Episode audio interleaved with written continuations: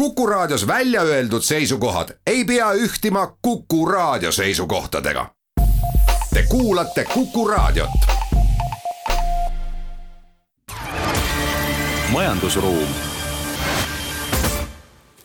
tere, head Kuku Raadio kuulajad, eetris on Majandusruum ja stuudios ajakirjanikud Harri Tuul ja Janno Riispap ja räägime täna riigifirmade tülidest. tõukume siis sellest eelmise nädala otsusest, kus siis Elering ei kiitnud heaks Eesti Energia Tootsi tuulepargi toetusskeemi ja Eesti Energia lubas siis selle otsuse loomulikult kohtusse kaevata.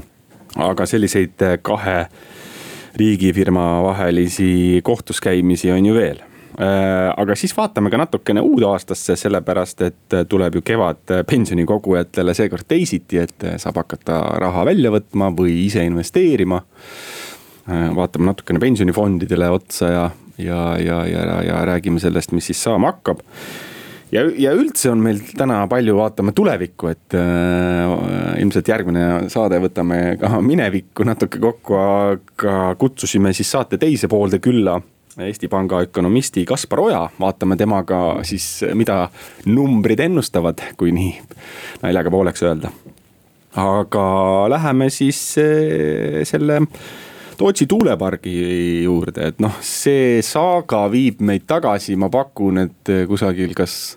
see on umbes kümme aastat, aastat tagasi jah et põhimõtteliselt eh, mina saan niimoodi, eh, ühesõnaga Eesti Energia hakkas seal uurima seda kohta, eks ole, mis kuulus RMK-le. see oli põhimõtteliselt lage sooala, seal on, eh, tegi mõned augud, hakkas, tahtis sinna tuuleparki rajada. konkurendid said jälile, et näete, riigifirmale antakse tasuta selline hea koht ja ma arvan, et ega neil tegelikult võib-olla alati võib-olla isegi võimekust poleks olnud sinna midagi rajada, küll aga noh, konkurentidele kaikaid kodarast, kodaratesse ajada olukorras, kus need noh nendele toetustele on lagi, eks ole, et, et, et siis tuleks nagu veel keegi, kes hakkab potist seda taastuvenergia toetust küsima, et see noh, ikka. noh, sa ikka üritad vähemalt edasi lükata seda protsessi. see protsess jõudis siis äh, lõpuks oksjonini, eks ole, et, et panigi RMK seal need maad äh, müüki äh, seal osalesid väga huvitavad lõpuks tegelikult äh, osalejad olid, oli ju lisaks Eesti Energiale ka Utilitas. ka, kas Utilitas või Utilitasega seotud ettevõtjad? Utilitas oli ja siis oli vist veel ka Leedu Üks riiklik Leedu. energiafirma näiteks. lõpuks siis Eesti Energia selle enampakkumise võitis, maksis üle viiekümne kolme miljoni euro ja, ja siis äh, sai sisuliselt loa hakata seda arendama, aga nüüd äh, miljoni dollari küsimus on see, et mis tingimustel, et äh, millise toetusskeemi. kas miljoni või isegi miljardi? jah, ütleme niimoodi, et siin on hinnatud isegi seda kulu tarbijale kolmesaja miljoni euroni kaheteist mm. aasta peale. sellepärast, et selle niinimetatud vana toetusskeemiga kaksteist aastat siis iga tootmisüksus seda toetust saab ja ta on kõvasti äh, siis äh, elektritootjale soodsam selles suhtes. et noh, seal on viiskümmend kolm koma seitse eurot megavatt-tunni kohta ja see lisandub juba sellele, et sa selle tuuleenergia siis turule maha müüd. et börsihind tuleb otsa sinna et kui me tahame sellist nii-öelda nüüdisaegsemat siis alternatiivenergia arendamist, nagu meil Euroopas on, et äh, siis see käib läbi vähempakkumiste, et siin on ka nüüd sellised esimesed linnukesed on majandusministeerium teinud, küll väiksemas mahus siin umbes üks gigavatt-tund ja viis gigavatt-tundi et äh, tulevad ka muidugi suuremad, aga siin selle toetuste poti ümber tõesti see vaidlus käib. no ma mäletan, et selle oksjoni, pärast oksjonit või selle oksjoni sel ajal küsiti, et kas te olete arvestanud ka sellega Eesti Energia siis juht, juhi käest, kas isegi Ando Suttarilt või või oli see keegi teine äh, sealt juhtkonnast, kes sellel oksjonil osales. Äh, küsiti, et kas te olete arvestanud sellega, et noh, et võib-olla te ei saa sellesse nii-öelda vanasse skeemi, vana skeem, vana skeem oli siis selle, selline, et kõigile antakse äh, esimese mehe põhimõttel põhimõtteliselt kuni kuuesaja vist. kuussada gigavatt-tundi oli jah. tunni täitumiseni, nii, aga kuna, kuna Eesti Energial siis oleks olnud nagu suurem noh, kuidas ma ütlen, kopp põhimõtteliselt või selline, millega sealt toetusi haarata, noh suurem kogus seda, et siis noh, nemad oleks saanud sealt sellest potist suurema annuse, ütleme aga noh, äh, kui see kuussada saab täis, siis edasi nii-öelda toetust ei oleks makstud, aga noh, ütleme praeguses Eesti ajaloos ei ole seda vist äh, kordagi seda juhtunud. on kaks korda olnud, kaks tuhat viisteist ja ka see aasta, nii et tarbijatel on hea uudis, et detsembrikuu no, mõne... eest ei pea tuuleenergia eest tarbija taastuvenergia toetust maksma. et, et ja kaks tuhat viisteist oli. üksteist kuud oleme küll pidi. jah, jah, see kolmkümmend kolm miljonit eurot oli vist kokku see summa no igatahes kasulikum skeem on see nii-öelda vana skeem ja, ja ütleme, Tootsi tuulepargil oleks olnud hea noh, kasumlikum kindlasti, sa ütled lausa kolmsada miljonit, kuni kolmsada miljonit. kusjuures see võib olla veidi eksitav, sellepärast et siin on nagu ka Eesti Energia on öelnud, et sellesse vanasse skeemi on mahtunud arendusi, mis ei ole veel valmis, näiteks eh, palju kirgi kütnud äh, Sõnajalgade arendus, äh, Aidu tuulepark, eks ole. et nemad on selles vanhas skeemi otsu-, eelotsuse saanud Eleringilt. ja seal pidi olema veel arendusi. Elering väga ei tahtnud äh, kinnitada ühtegi parki. Äh, aga Eesti Energia teatel see niimoodi on, et noh, kui Tootsi sinna ei saa, aga saavad teised arendajad, siis lihtsalt nemad jagavad selle poti tulevikus ära. ja näiteks kui ongi, kui Aidu park saab, ütleme siin, ma ei tea, viie aasta pärast valmis, siis kaks tuhat kakskümmend viis pluss kaksteist aastat, siis ta saab seda, selle vana toetusskeemi järgi seda soodsamat äh, toetust? no väga selline ähm, noh, natukene on see ikkagi kummaline, et kas siis äh, sellist e, eelotsust, mulle meenuvad mõned maksu sellised case'id, noh näiteks seal äh, Sil. Silvesteri juhtum, kus siis justkui Silvesteri omanikud, kui nad müüsid kunagi seda ettevõtet küsisid ka sellist eelotsust maksuametist, kui me teeme niimoodi, et viime firma alla ja, ja eks ole, ja, ja et kas me peame siis kohe maksud ära maksma, kuidas see käib ja maksuametist öeldi, et noh, et ei pea, eks ole. ja siis, kui nad seda tegid, siis maksuamet läks nende vastu kohtusse ja lõpuks äh, nad muidugi võitsid aga natuke meenutab seda, et nagu, et noh, et ma ei usu, et ei ole uuritud seda, noh, ei saa ju olla nii, et kuidas, miks ei saa nagu. miks need reeglid nii hägusad on, et ühed saavad, teised ei saa, kuidas saab olla niimoodi, et Tootsi tuulepargi rajamine käib juba kümmekond aastat, aga ikkagi noh ei ole nii-öelda lõpuni Elering selge. hindas, et Eesti Energia ei ole teinud seal pöördumatuid investeerimis nii-öelda kulutusi siis no, et noh. ma ütleks, et näiteks viiskümmend üks. oleme ausad, kui me võtame siia kõrvale Aidu, kus, eks ole, meediast on palju fotosid olnud, eks ole, seal on tuulikud on labadeta küll politseilintidega ümber piiratud. et siis ma pigem julgen väita, et seal neid pöördumatuid investeerimiskohustusi on pisut äh, rohkem ikkagi. teeme väikese pausi ja räägime sel teemal veel edasi majandusruum. jätkame saatega, stuudios ajakirjanikud äh, Harri Tuul ja Janno Riispapp ja rääkisime siin äh, sellest äh, Eleringi ja Eesti Energia Tootsi tuulepargi toetusskeemi sellisest vaidlusest, et see on ebaselge ja ilmselt noh, tõenäoliselt ei ole ammu, noh kindlasti ei ole lõpule jõudnud, et minnakse kohtusse, aga sellega seoses meenus üks teine vaidlus, mis, mis, mis siiamaani käib kohut ju ka kahe riigifirma vahel ja, ja üsna sarnane olukord selles mõttes, et üks on nii-öelda selline äh, ütleme. kaubavedaja ja teine on. üks see... on see äh, põhimõtteliselt auto või ütleme tee ja, ja tee vedamise load ja teine veab siis kaupa selle peal, on Eesti Raudtee ja Operail, noh Eesti Raudtee on nagu võiks võrrelda ka mõnes mõttes ka näiteks Maanteeametiga et, äh, et tal on teed ja siis on äh, need graafikud, et kes tohib seal peal liikuda. Ja siis on teine firma, kes veab reaalselt kaupa ja siis nad vaidlevad selle üle ühe, üks, tegelikult on see vist päris ka üks kümmekond aastat ma ei tea, kas kümmekond, aga üks no pikk, päris äh, vana vaidlus. ja vaidlus käib selle üle, et kas on õigesti või kas õigesti või ütleme, kas on need tasud makstud ikkagi või ei ole noh, mis selle kohta veel arvata? no eks ta veider ole, kui ikkagi riigifirmad äh, ühe nii-öelda üldse ühele omanikule kuuluvad ettevõtted peavad siis kohtus oma asju klattima hakkama. ja ka sellises võib-olla natuke tundlikumas valdkonnas, nagu see raudteeäri on, eks ole, et kui meil ikkagi on siin helesinised unistused, võib-olla natuke rohkem neid transiitvedusid siia Eestisse meelitada ja nii edasi. aga see ongi huvitav, et siin nii-öelda majandusministeerium ise on sellest kuidagi nagu nagu nii-öelda mm, kõrvale hoidunud, öelnud, et las kohus otsustab, sealt me saame selged nii-öelda regulatsioonid kõikidele turuosalistele, et noh, Operail pole ju ainuke, eks ole, kes kaupa veab, seal on veel äh, Livatoni Muugast naftaterminali äh, käitleva ettevõtte siis tütarfirma ja mõni veel, eks ole. et, et ametnikelt on ka tulnud selliseid signaale, et las kohus otsustab, sealt me saame nagu kindlad sellised võib-olla noh, saamegi selguse majja, eks ole et eh, võib-olla riigi vaates see ongi mõistlik, aga samas, kas me hakkame siis, kas kohus peab siis tegelema sellega, et eh, minister teeb määruse ja siis saadame kohe kohtunikule ülevaatamiseks, kas see on õiguspärane või ei ole. nojah, seal ongi see, et Eestis ongi eh, häda tihtilugu nende riigifirmadega, et seal noh, sa, sa ei tea mis see omaniku ootus on, et kas see on, et ta justkui juriidiliselt on ju noh ettevõte, täiesti tavaline äriühing, aga tegelikult on seal alati ka ju noh, poliitikud on selle taga või ütleme, üldkoosolek on põhimõtteliselt, eks ole, majandusminister ja tema ütleb, et noh, lõpuks otsustab, et kuhu suunas see ettevõte nii-öelda sõitma või jooksma hakkab, et, et siis see tekitab. et jah, et äh, nagu vastuargument on, et äh, jah, las nad selgitavad ja ongi turuselgus, aga kus turu, aga samas turuselguse loovad kaks riigifirmat, et tekib küsimus, et miks nad üldse noh, kuidas, miks see on üldse selline olukord, kus nagu on nii-öelda teenusepakku, teenusevõtja, kõik on, kõik, kõik asjad kuuluvad riigile, et võib-olla tuleks. minu jaoks tekib seal muster ja küsimus, et kas need kõik need firmad peaksid kuuluma riigile, eks ole, ja, ja, ja see on ju arutelu all olnud, et Operail ei peaks tegelikult riigile kuuluma.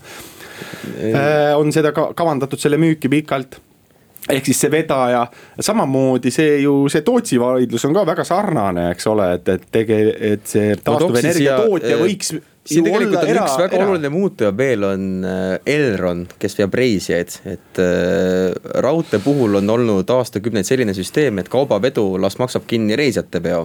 ja noh, kui sa oled poliitik, sul on ka Operail, Eesti Raudtee, Elron on kõik sinu vastutusalas, eks ole. siis äh, kumma otsuse sa, sa pigem teeksid, kas sa tõstaksid nii-öelda mingisuguseid administratiivseid kulusid Elronile, mille läbi tõuseks reisijale pileti hind. või siis nii-öelda lased või pisut rohkem pikist pitsitad siis võib-olla ettevõtet, mis te tegeleb valijale pisut abstraktsema sellise kaubaveoga, millega ta võib-olla iseennast kuidagi nii-öelda ei suuda suhestuda et.... jah, see on ka tõsi, et nagu mängitakse mitme firma vahel, eks ole, neid toe-, ühele antakse toetusi, teistelt ja põhimõtteliselt Operail maksab põhim-, osaliselt vähemalt maksab ju Elroni sõidud kinni kui me noh, niimoodi sisuliselt sisse vaatame. ja nüüd samal ajal Operail peab siis Eesti Raudteega veel vaidlema, ühesõnaga see noh, mingil tasemel ta jõuab natukene sellisesse minu jaoks nagu absurdi, et selle võiks tegelikult ju ära otsustada, et mis firmad on riigifirmad, mis firmad ei ole riigifirmad ja võib-olla oleks palju lihtsam see asi. Nii, aga kas me nüüd eh, vaataksime ka natukene järgmise aasta mm, sellist suurt muudatust eh, pensioni eh, ehk siis pensionireformi jõustumist, et siin on üks kokkuvõte tehtud selle aasta Äh, sellest, kuidas pensionifondidel sel, see aasta läks, noh, see aasta on olnud väga-väga eriline ja miks? sest et äh, just selle kriisi tõttu ja teistpidi selle kriisi kiuste on purustatud põhimõtteliselt maailma börsid või ütleme, suurimad ja olulisemad börsid on ju purustanud ikkagi ajaloo rekordeid, et jah, kevadel kukkus kõik nii-öelda kokku aga noh, ütleme selle aasta põhjal, mis nüüd äh, möödumas on, et mingisuguseid nii-öelda investeerimisotsuseid või pensionifondi headust hinnata. noh, mina ei oskaks jah, et noh, muidugi eks need börsirekordid tugevnevad üsna palju ka siis tehnoloogiasektoril, mis on võitnud sellest, et äh, inimesed on äh, kodukontoritesse pagenud üle maailma. aga tõepoolest, see pensionireform on, võib öelda viie miljardi euro küsimus, sellepärast et kohustuslikes sammastes just nii palju nüüd siis inimesed on endale raha kogunud ja eks siis saab näha, nagu ütles pensionireformi peaarhitekt Helir-Valdor Seeder, siis tõe kriteerium on praktika. saab näha, kui palju sealt raha välja võetakse no huvitav on see, et kui ma siin vaatan seda nii-öelda edetabelit, mis tänases Postimehes äh, ilmus äh,, siis. noh, ka sellisel aastal, kus sa, eks ole. on ikkagi fonde, mis on nagu, on miinuses ma ei oskagi seda kuidagi nagu seletada, et eh, küll valdavalt sellised konservatiivsemad fondid, et, et et ähm, aga kuidas selle ajakavaga nüüd täpsemalt on, et kui nüüd järgmine aasta peaks mingisuguseid otsuseid tegema, et. et ma saan aru, et sügisel hakkavad need rahad liikuma jah, kui ja... mingid otsus, kui keegi tahab mingit otsust teha? jaanuaris saab hakata neid avaldusi tegema, kui on soov siis äh, kogumine äh, lõpetada ja kogutud raha välja võtta ja tõepoolest äh, äh, septembrist vist hakatakse neid välja maksma, et äh, siin kolleeg Tõnis Oja on ka pisut nagu selgitanud, et kui inimesed on siin äh, võib-olla päris algusest peale äh, kogunud, siis võib-olla ei maksakski välja võtta, see on tema arvamus. et äh, vastasel korral siis see esimese samba osak võib-olla jääb pisut väikeseks, kui lõpuks pensionile jäädakse nojah, võib-olla selline rusikareegel võiks olla, mida mina olen ikka ja jälle soovitanud, kui keegi on minu käest küsinud ja see, aga see ei ole mingi investeerimissoovitus otseselt, aga ütleme. pigem selline talupojatarkus, et tark ei torma, et ega kiiret ju kuhugi ei ole, et põhimõtteliselt on ju kolm. no kolm sellist ähm, laia võimalust, kas jätka, mitte midagi teha, las ta jääb, eks ole, koguneb sinna, vaadata, mis vaadata mõne aja pärast, näiteks viie aasta pärast äh, vaadata üle, mis toimus, võib-olla, võib-olla elu, elus on tulnud mingeid muutusi, saab teha äh, uusi otsuseid. teine võimalus on noh, nii-öelda lõpetada see kogumine äh, ja jätta see raha ikkagi sinna mm, fondi, lõpetada või välja võtta. noh, nii-öelda lõpetada selle kogumisega tegelemine põhimõtteliselt ära aga sellistele erksamatele inimestele siis, eh, kes tahavad ise investeerida, on võimalus ju ka koguda nii-öelda raha oma spetsiaalsele info, eh, pensionikontole ja siis ise hakata vaatama seal et kuhu seda raha paigutada, et kuuldavasti on järgmise, järgmisel aastal selliseid ka huvitavaid tooteid või selliseid investeerimisvõimalusi ka Eestisse lisandumas, fonde, kinnisvarafonde, et siin. Efteni juht näiteks Viljar Arakas käis ka siin hilja, hiljuti stuudios, rääkis sellest nii et äh, võtke aega äh, ja ärge kiirustage, aga läheme nüüd pausile ja pärast seda naaseme juba külalisega. majandusruum. jätkame saatega ja meil on äh, stuudios on ajakirjanik Harri Tuul ja Janno Riispop ja meil on külla tulnud siis Eesti Panga ökonomist Kaspar Oja. tervist. no enne kui me edasi vaatame, vaatame korra tagasi, et äh, mis meil, mis selle aasta jooksul Eesti majanduses äh, muutus, kas see oli ja kas see oli ajutised mingisugused asjad või ka midagi põhimõttelist äh, muutus, ma ei tea, kuidas teile seal no, Eesti Pangast paistab? see, no eks selge, selge on see, et meil oli esimesel poolaastal väga suur majanduslangus, mis oli üle Euroopa, meil isegi oli, on ju väiksem kui keskmiselt Euroopas, äh, sarnaselt teistele Põhja-Euroopa riikidele. Läksime kriisis küllaltki kenasti, aga äh, noh, nüüd on, nüüd on see küsimus, et äh, kui pikaks ajaks niisugune madalam tase jääb. me nägime kolmandas kvartalis juba väga kiiret taastumist mõnedes valdkondades. tegelikult see algas noh, näiteks jaekaubanduses juba maikuus, nii nagu kaubanduskeskused lahti tehti. hüppas jaekaubandus käive ülesse ja ja noh, see tegelikult lisab optimismi, et, niisugune taastumine võiks tulla ka nüüd selle teise laine puhul mõnedes sektorites võttis natuke kauem taastumine aega, näiteks ehm, ehm, tööstussektoris sõltub siis see tegevus rohkem välisturgudest. ja noh, seal võeti need piirangud aeglasemalt maha, seetõttu välisturud taastusid aeglasemalt ja ka tööstus taastus aeglasemalt. ja üks valdkond, mis kergelt taastus, aga noh, siin suve lõpus kukkus uuesti tagasi, oli siis turismisektor. et seal me nägime ikkagi niisuguseid juba peaaegu noh oleneb valdkonnast on ju, aga peaaegu sajaprotsendilisi langusi mõnes kuus.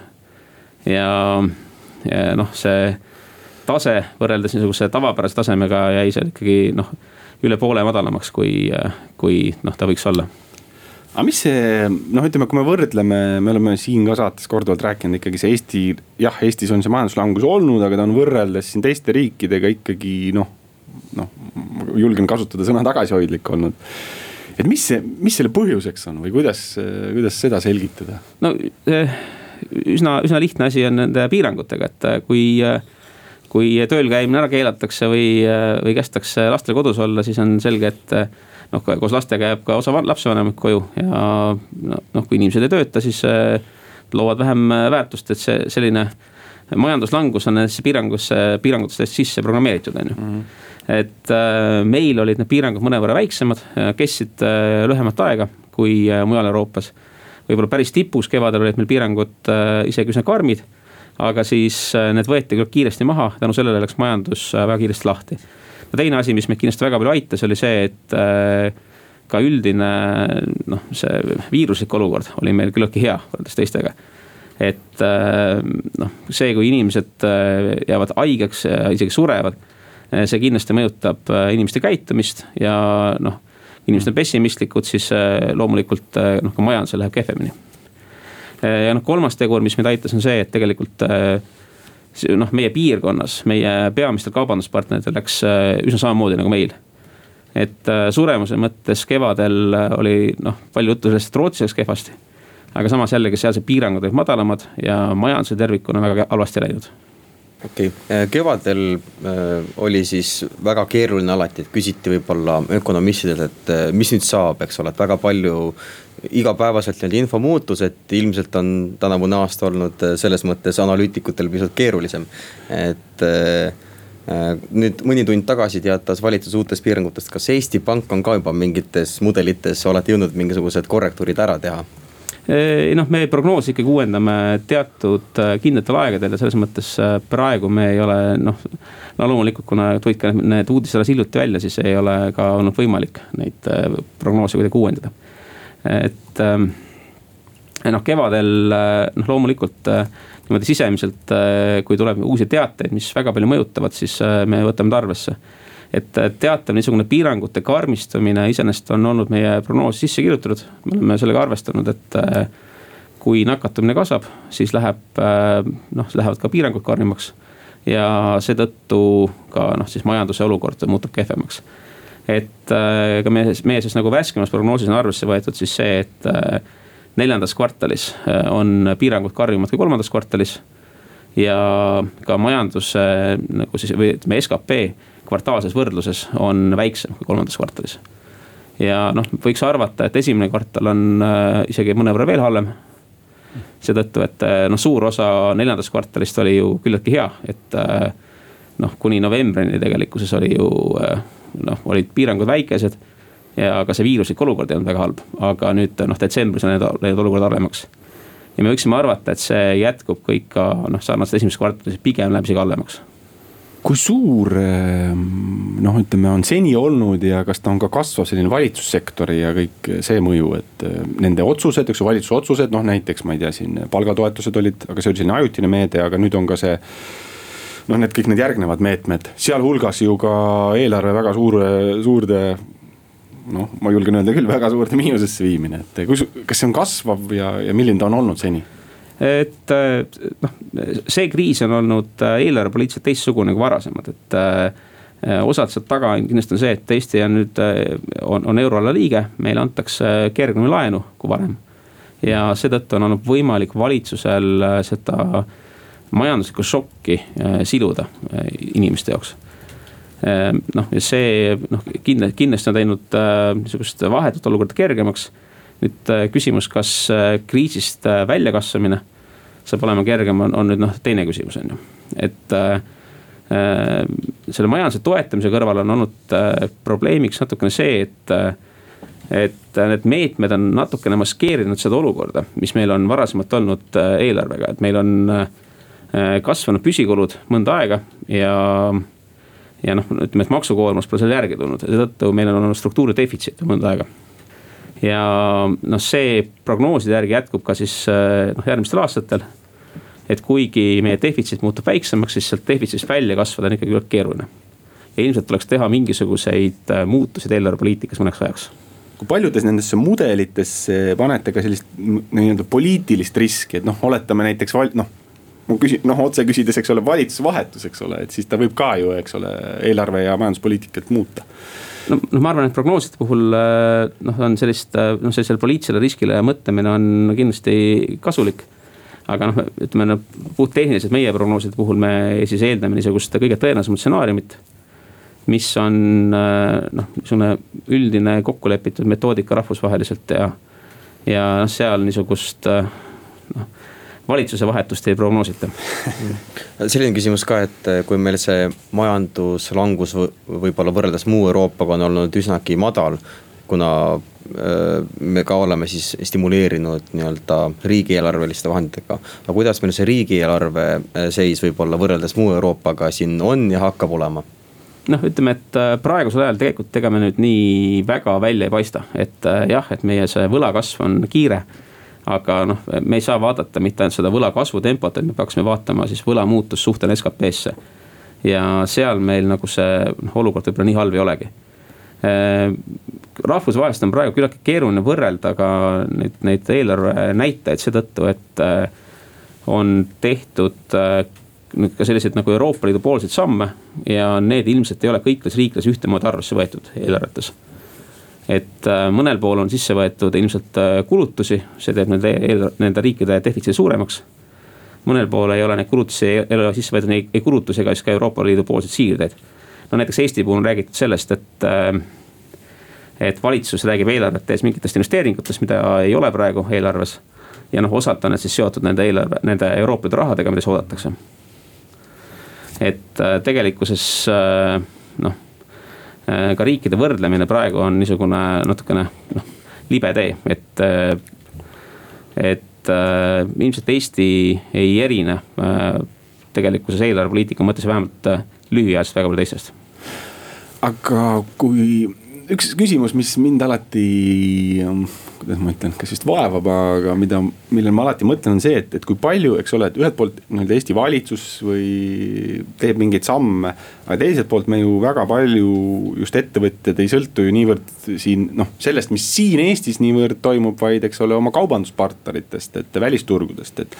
ja kui palju nende otsused, meie tähtsamate kaubanduspartnerite otsused, ütleme siis Eesti majandust on mõjutanud ja hakkavad mõjutama jah, nagu seda sai enne ka mainitud, et siis äh, noh, tööstussektori puhul oli see näha, et äh, sealne taastumine võttis mõnevõrra kauem aega kui äh, siis sisenõudlusel ja noh, see on selgelt seotud sellega, mis toimub välisturgudel. et kuna need piirangud kestsid kauem välismaal, siis noh, ka sealne nõudlus taastus aeglasemalt.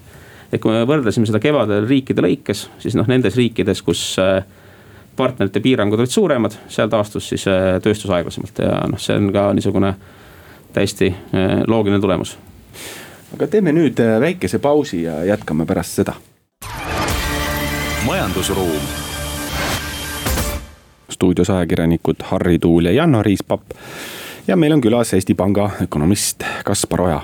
no üks asi, mis teie nüüd hiljutisest prognoosist silma jäi, olid palgad, eks ole, et palgad justkui Äh, noh, jätkavad sel aastal, eks ole, kasvu, et noh, et kui nüüd noh, tavalisele kuulajale selgitada, et kuidas noh, kuidas see üldse võimalik on olukorras, kus me noh, oleme ikkagi kriisis. Noh, et see, miks palgad kasvu jätkavad prognoosis, tuleneb lihtsalt andmetest, et noh, seda näitavad maksuameti andmed, et sinna noh, maksulaekumise statistika on sihuke kõige vahetum näitaja majanduse arengu kohta, mis tuleb küllalt kiiresti kätte ja see on tegelikult olnud küllaltki tugev ja ei viita niisugusele majanduse äh, väga halvale ajale. Äh, aga siin on eks küsimus ka selles, et, äh, et need nagu teravamad probleemid on ikkagi seotud mingite kindlamate harudega. ehk see tööpuudus on, mis nüüd on tekkinud, on teatud mõttes struktuurne. see puudutab siis rohkem neid niisuguseid tööjõumahukaid, madalama tootlikkusega harusid ja noh, need töötajad ei konkureeri äh, siis äh, teistes harudes ja seetõttu ka äh, noh, palgad ei noh, ka niimoodi majandust reetselt võttes ei peaks nii palju langema teistes harudes. Kas selline üldse mm, selline üleminek, töötajate üleminek nende harude vahel, et kuivõrd see on üldse võimalik, et me ju räägime alati, et noh, et õppige ümber, minge, tehke mingit teist tööd, aga, aga noh see ei pruugi olla vist väga lihtne, et. no sellega on äh, nii ja naa. see võtab et, aega. et ilmselt sellistel nagu äh, äh võib-olla niisugust äh, vähem äh, spetsiifilisi oskusi nõudvatel tööd, töödel on võimalik äh, tööde vahel kergem liikuda. aga noh, tõesti noh, ilmselt neid turismisektoris tööd kaotavaid inimesi IT-spetsialistideks väga kiiresti ei õpeta ja noh tõenäoliselt äh, suur osa neist ka ei tahaks äh, õppida selleks, et äh, ma usun siiski, et lähiaastatel võiks majandus taastuda küllaltki sarnaseks, nagu see oli enne kriisi. ja samamoodi võiks taastuda ka turismisektor. et noh, kui me siin nüüd mõtleme kõigile neile eurooplastele, ameeriklastele, kes istuvad kodudes ja unistavad sellest, et reisida. et siis, kui üks hetk on need vaktsiinid kohal ja noh, majandus saab uuesti lahti. ja noh, neil ei ole sissetulekud palju vähenenud, siis miks nad ei peaks reisima? et äh, ma arvan küll, et äh, kui äh, äh on viirusest jagu saadud, on need piirangud maha võetud, siis äh, majandus taastub, taastub päris kiiresti küsiks võib-olla selle kohta ka, et kuidas võib-olla tarbija jaoks hinnad muutuvad, et kevadel siin kriisi hakul siis lisaeelarvega tõmmati kohe allapoole diisli ja elektriaktsiisi, et kas, kuidas tarbijad, kuidas on tarbija jaoks nii-öelda väljavaade? see koroonaaeg on tekitanud selliseid omapäraseid väljakutseid inflatsiooni juures, et noh majandusteadlased vaidlevad, et äh, kas nüüd tegemist on äh, nõudluspoolse kriisiga või pakkumispoolse kriisiga aga võib-olla niisugune alternatiivne, äh, noh miks, miks seda küsitakse, on see, kui on nõudluspoolne kriis, siis nõudluse muutus peaks just nagu. nõudluse langus peaks, peaks siis hinnad alla suruma, aga pakkumise vähenemine peaks hinnad hoopis üles viima. aga võib-olla niisugune alternatiivne lähenemine võiks olla see, et me, meie käsitlus hindadest on niisugune turumajanduse põhine aga sel hetkel, kui valitsus ütleb, et äh, näiteks poodi minna ei tohi, siis äh, noh. Tegelikkuses need äh, niisugused tavalised turumajanduslikud reeglid enam ei kehti. ja noh, see võib-olla selgitaks seda, et mispärast ei ole suudetud noh inflatsiooni arenguid nii hästi noh, üle maailma tegelikkuses siis kirjeldada probleem on olnud selles, et kohati ei suudeta inflatsiooni mõõta, sellepärast lihtsalt, et ei ole neid nagu tehinguid või ei ole noh, ei ole kaupu, mida müüakse, teenuseid, mida pakutakse. Et Eestis vist äh, see kõige tuntum näide olid äh, lasteaiad, et kus siis äh, vähendati lasteaia kuutasu, aga noh, kui samal ajal lapsed lasteaeda minna ei saanud. siis mis tähtsus seal oli, et kuigi noh, see lasteaia kuutasu oli seal korvis sees. et inflatsiooniga on niisuguseid huvitavaid asju, et et meil on palju niisuguseid kaupu, mille hinnad kõiguvad aasta sees, sees oluliselt, et meil on mingid kampaaniad. Või meil on näiteks puhkuste periood, kui minnakse välismaale ja ka, aga sel aastal äh, need kõikumised võivad olla niisugused äh, noh. et kui hinnad on ära langenud juba juunis, siis noh, tõenäoliselt nad ei lange enam detsembris näiteks ja see võib tekitada niisuguseid omapäraseid hüppeid inflatsioonis, mida me võime siin veel noh, lähikuudel näha et ähm, väga suure osa inflatsiooni volatiilsusest selgitab ära kütuste hinnatõus. Ja noh, praegu on äh, inflatsiooni alla tõmmanud äh, ka see, et äh, nafta hind on olnud madalam. ja ka siis kütuste aktsiis on olnud madalam. aga noh, siin on nüüd küsimus, et mis juhtub siis, kui majandus hakkab taas käivituma et loomulikult igasugused äh, turu ootused näitavad seda, et niisugust kiiret nafta hinna tõusu ei tule aga noh, kui nõudlus kasvab, siis küsimus on see, et kas äh, pakkumine tuleb nii kiiresti järele äh,. ja noh, me võime näha niisuguseid äh, kõikumisi hindades ilmselt äh, lähiaastatel küll aga mis on olnud ikkagi see saladus, et ega see inflatsioon Euroopa Keskpangale ka üks selline noh, mõõdik, eks ole, et aga ei ole suudetud nii-öelda seda täita, et ähm, kui me nüüd no ütleme, väljume üldse sellest kriisist korraks, eks ole, et. Et mis selle, mis, mis, mis seda põhjustab, et see tegelikult ei olegi väga sellist väga head selgitust äh, olnud sellele, et on ju stimuleeritud majandust, et, et, et aga just see, just hinnad pole nagu kasvama hakanud. et kui vaadata nagu seda aasta esimest poolt, siis äh, noh, seal kuigi äh, oli äh, nagu tarbijahindade inflatsioon oli madal, siis tegelikkus nagu Euroopa-sisene või siis nagu Euroopas toodetud kaupade inflatsioon oli tegelikult juba küll kõrge. Et, äh, et siin siiski nagu omas ikkagi küllaltki suurt rolli see noh, kütusehindade mõju lihtsalt, et see tõmbas inflatsiooni allapoole, aga, aga noh, loomulikult kui, kui me räägime majanduskriisist, siis reeglina noh kriisi ajal jääb äh, tootmisvõimsus üle äh, ja kui tootmisvõimsus on üle, siis, äh, siis lihtsalt ollakse valmis tulema turule madalama hinnaga ja seetõttu ongi nagu niisugust kiiremat inflatsiooni kriisi ajal keeruline saavutada. Ähm, räägiks investeeringutest, et mis pilt sealt praegu avaneb, et kas on tagasi tõmmatud, midagi tagasi tulnud, mis toimub nii-öelda? investeeringud on niisugune, niisugune skp komponent, mis on üsna volatiilne. et kui kriis tuleb, siis need kukuvad väga palju ja me tegelikult kevadel arvasime ka et need kukuvad ju palju rohkem, aga niisugust noh, nii suurt langust ei ole tegelikult investeeringutest tulnud. et kui nüüd vaadata kolmanda kvartali näitajaid, siis seal noh, loomulikult noh, oli üks niisugune eriline tehing, mis suurendas investeeringuid. ja noh, tegelik niisugune keskmine investeeringute pilt on kehvem kui see, mida, mida võib-olla see üldnumber näitas, aga noh, siiski niisugust väga suurt ärakukkumist ei ole praeguseks tulnud. Küll aga jah, noh kui me jälle vaatame siis maksebilanssi, et kus me teame, et meil on, on siin olnud äh, jooksev konto äh, ülejäägis pikka aega. siis see nagu viitab sellele, et iseenesest meil investeeritakse vähem, kui säästetakse aga kui palju me siin ühe, noh, üheksakümnendate, kahe tuhandete algused alati ootasime seda helesinist laeva, et välisinvesteeringuid ja kui palju me tegelikult täna nendest üldse sõltume või kui olulised nad meie jaoks on ja kui palju me suudame ise nii-öelda investeerida? Eesti jaoks eripäraks äh, kuni siis äh, selle noh, kahe tuhande üheksanda aasta kriisini oli see, et meil oli tegelikult neid äh, väliseid investeeringuid hästi palju mm -hmm. Euroopas.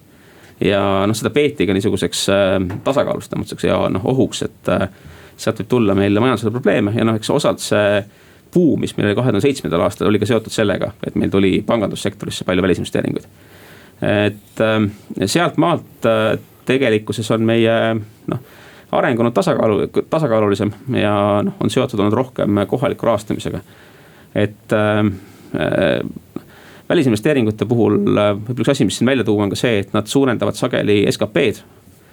aga see mõju äh, siis äh, kohalikule äh, sissetulekule tegelikult alati nii suur ei ole et noh, kui siin tuua näiteks noh, näiteks Iirimaad, mis on selline tõeline välisinvesteeringute lipulaev, siis noh, me, me näeme seda, et seal on investeeringud lükanud üles äh, siis SKP-d.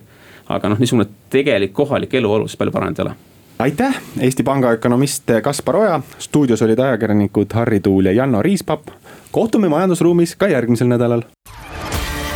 Majandusruum